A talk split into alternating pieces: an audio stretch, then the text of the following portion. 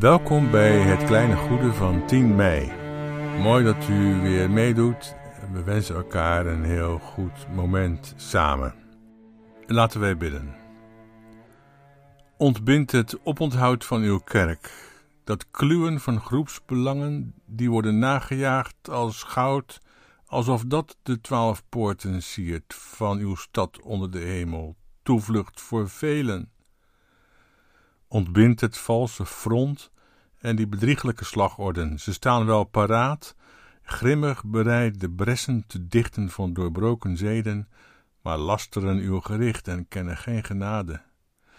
Maar bind uw volgelingen aan de blijdschap van uw weg, de vreugde van de wet, de dienst van uw naam. Wel vast is uw belofte, maar telkens transparant. Wel huiselijk en aards, maar in gelijkenissen.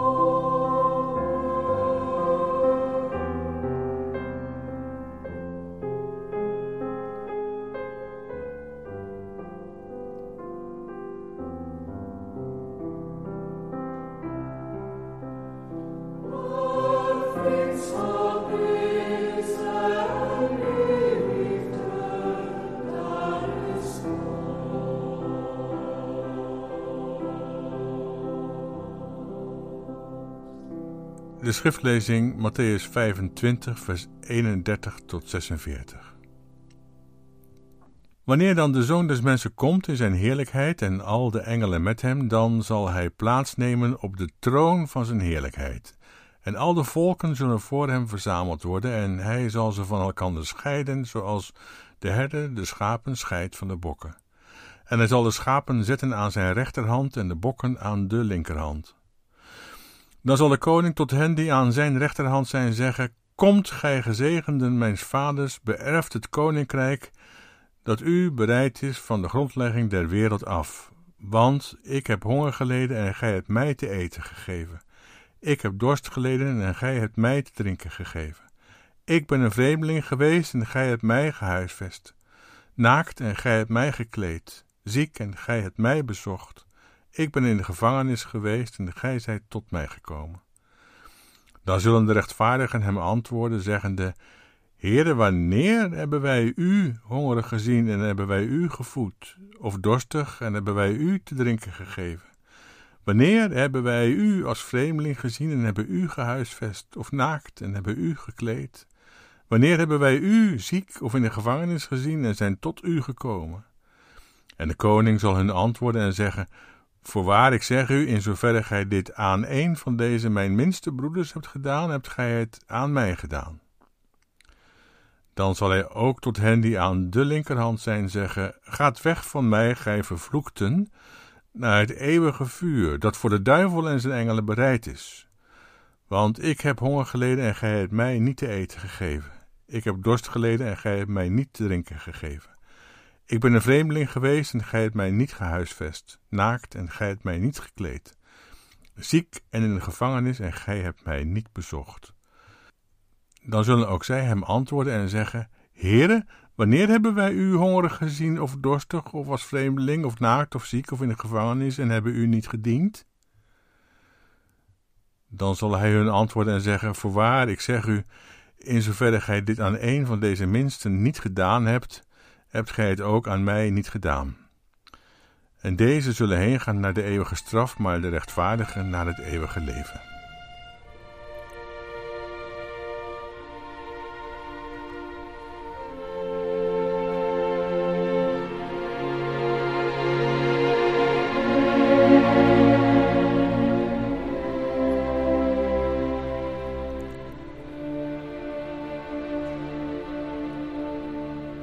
Gelijkenissen die Jezus vertelt zijn vaak onthullende spiegels die ons voorgehouden worden en soms zelfs pijnlijk.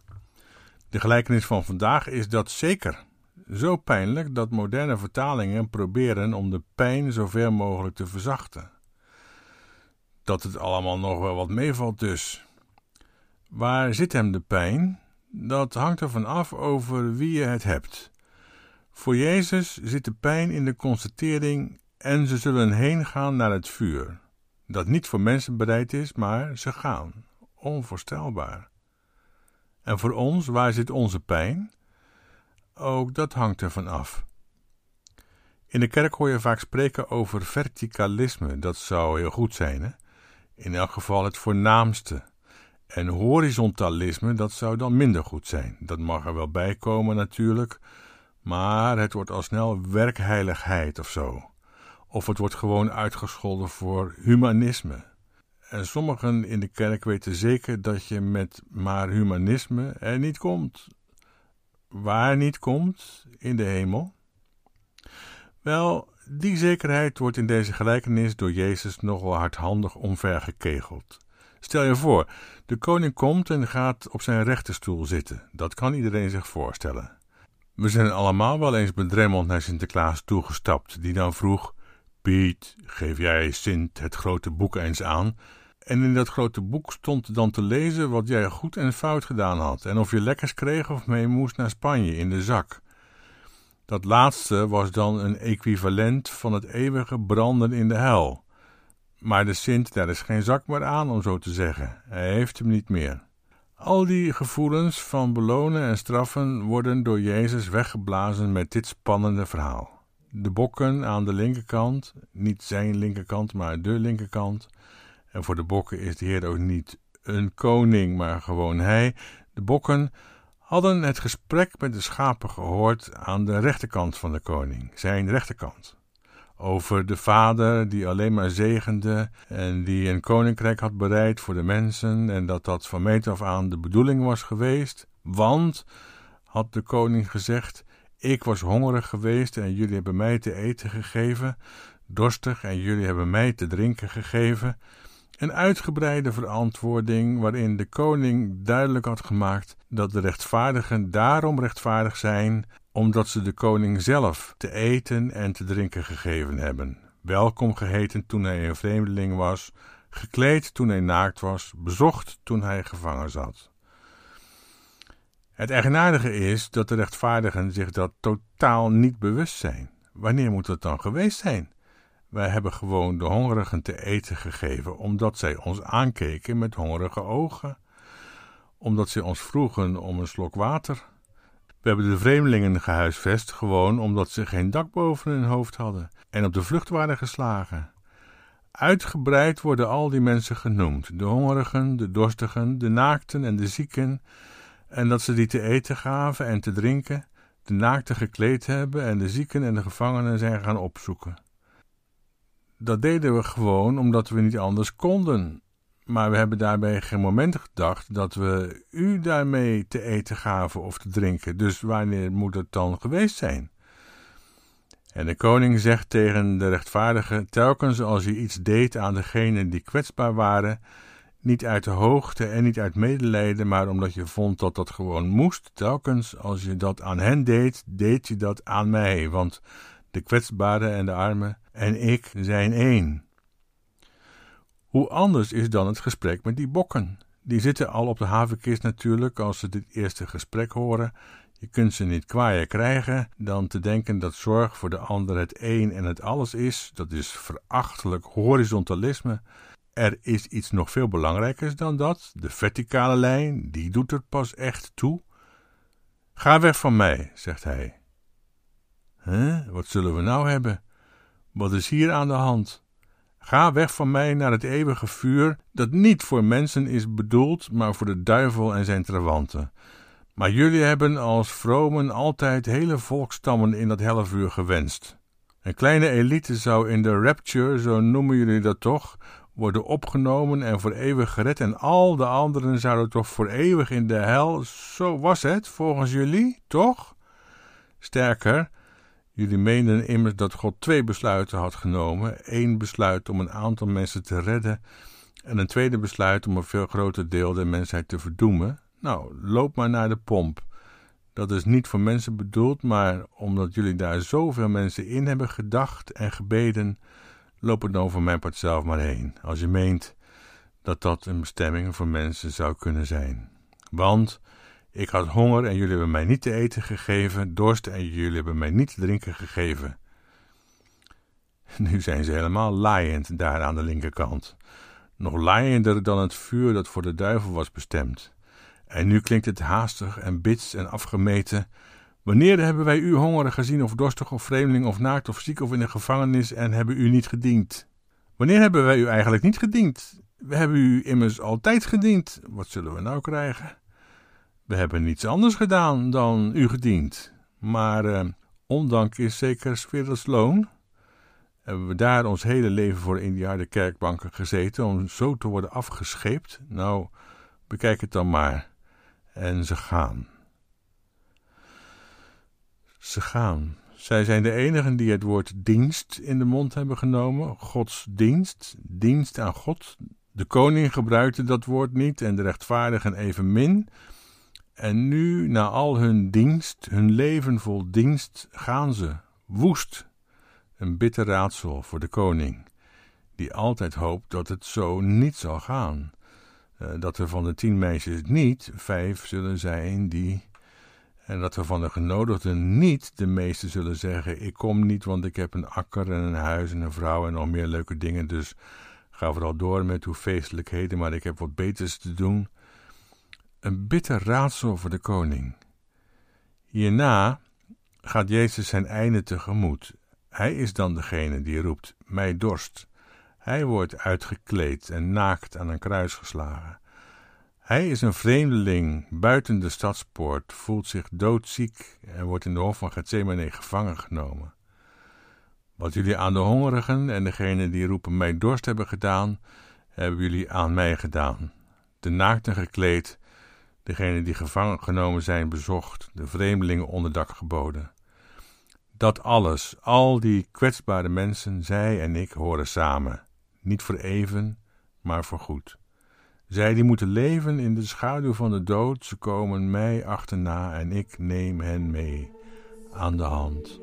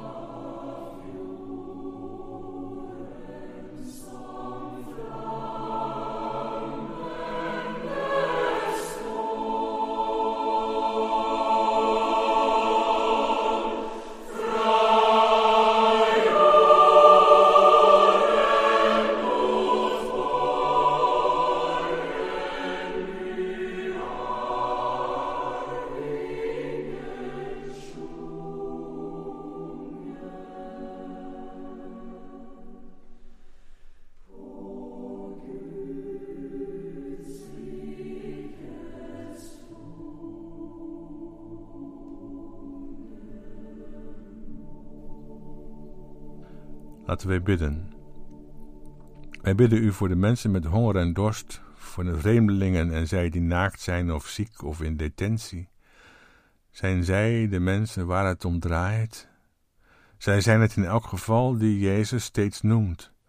En dan niet als mensen die hij wil opzoeken, zoals de koning of koningin van een land de slachtoffers van een ramp bijvoorbeeld gaat opzoeken om zijn of haar medeleven te betuigen. Nee, Jezus noemt ze als degene tussen wie hij zich bevindt, voorgoed. O Heer, wij moeten vaak zo wennen aan uw voorkeur. Uw voorkeur om als gekruisigde te willen verkeren tussen de kruisdragenden. U leidt niet voor hen, maar met hen, één met hen. En wij vragen nu, waar is onze plaats? Passen wij in uw rijk? Geef ons de moed om rechtvaardig te zijn om ons niet te bekommeren om een plaats in het koninkrijk, maar ons te bekommeren om degene die ons aankijkt vanuit zijn of haar kwetsbaarheid. En al is dat er maar eentje, ons kind, onze moeder, onze buurvrouw, laat die ons trekken uit onze ingebunkerde verschansing. Onze kerk met bakstenen muren, onze dogmatieken en orthodoxieën met keiharde wetten en teksten. U laat ons niet als wezen achter, dat is de belofte. Wij hebben uw liefde altijd om ons heen, ver weg, maar vooral dichtbij. O Heer, wees zo met ons de komende week. Wij bidden u voor de wereld waarin we leven, waar door de crisis allerlei dreigingen zijn, mensen die ziek worden. En als het lang duurt, mensen die honger gaan lijden en armoede en gebrek. De derde wereld gaat onze economische malaise betalen. O Heer, geef dat er kerken of gemeenten zijn die zich daartegen durven uitspreken. En dan niet met u aan hun zijde, maar wetend dat u bent daar waar het pijn doet en schrijnt. Leer ons te leven, o Heer. Leer ons het sterven af. En geef ons uw genade, ons en alle mensen. Amen.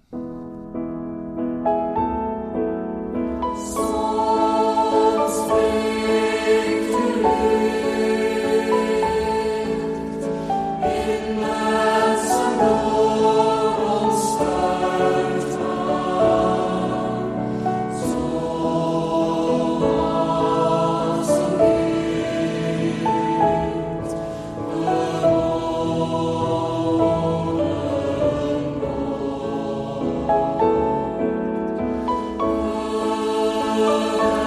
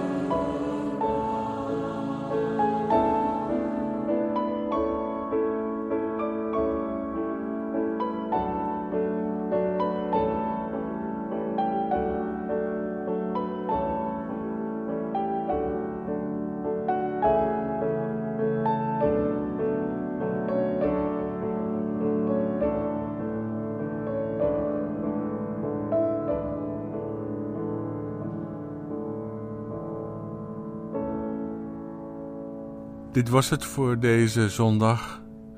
De Heer, Hij zal u zegenen en behoeden en u op handen dragen. Ik wens u een goede week. Blijf nog even, want hierna, aan het eind, laat ik u een gedeelte uit een gesprek met Dirk de Wachter horen, de Belgische psychiater, die heel kort zal uitleggen wat hij met de term het kleine goede van Emmanuel Levinas bedoelt.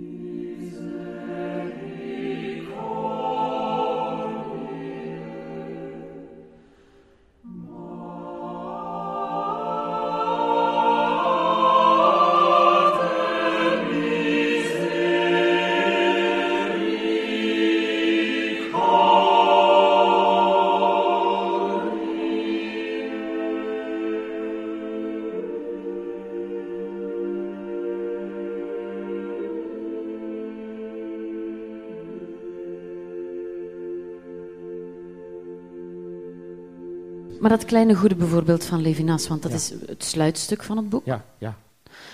Um, probeert u ons dat eens duidelijk te maken waar dat voor staat in niet politiek gerecupereerd, maar in al zijn gelaagdheid? Oh, wel, dat gaat over de kwetsbaarheid, het zien van de kwetsbaarheid van de ander. Niet op een neerbuigende manier van nog garme, nog gottekes, toch manneke gaat het, hè? maar op een manier die eigenlijk opkijkt. Hè? Waar de kwetsbaarheid van de ander een soort, ja, wat doet dat? Het, het, het kraakt de ingebunkerde zelvigheid van het, van het heel individueel levendige mensdom. Hè? De mens die op zijn eigen angstig, ofwel angstig ofwel zelf genoeg, maar heel erg terugplooit op zijn eigenste zelf en blind wordt voor al wat daar rond durft te gebeuren die dan, het, ja, die dan geappelleerd wordt door de kwetsbaarheid van de ander en dan dat verstoort. Het is de verstoring die op langere termijn een bevrijding ook geeft. Uit de kokon van eenzelvigheid. Zo'n ding is allemaal. En die onze verantwoordelijkheid aanspreekt, En, ook ja, een ja, dat- sleutelwoord. Het opnemen, Ja. dat is het sleutelwoord. Het opnemen van de verantwoordelijkheid. Hè, daar ook iets mee doen. Daarop responderen. Klein altijd, klein. Hè. Het is, eh, Levinas is wat dat betreft eigenlijk niet politiek. Mhm. Ja? Hij schrijft daar ook over. Hè. Dus hij, hij schrijft dat, daar heb ik daar straks ook iets van gezegd, dat politieke structuren, of politiek moet structuren maken, maatschappelijke structuren maken, die, dat is heel minimaal, die het engagement en het, eh, het, het, eh, de creativiteit van mensen en het samenhorigen van mensen niet in de weg staan. Dat zou al goed gewerkt zijn. Ze moeten Mhm. nog niet te veel daarvoor doen. Als, dat, als het dan niet in de weg staat, als een maatschappij zou kunnen ja, het, het, het, het samenhorigen van mensen al een beetje toelaten. Dat is al goed gewerkt.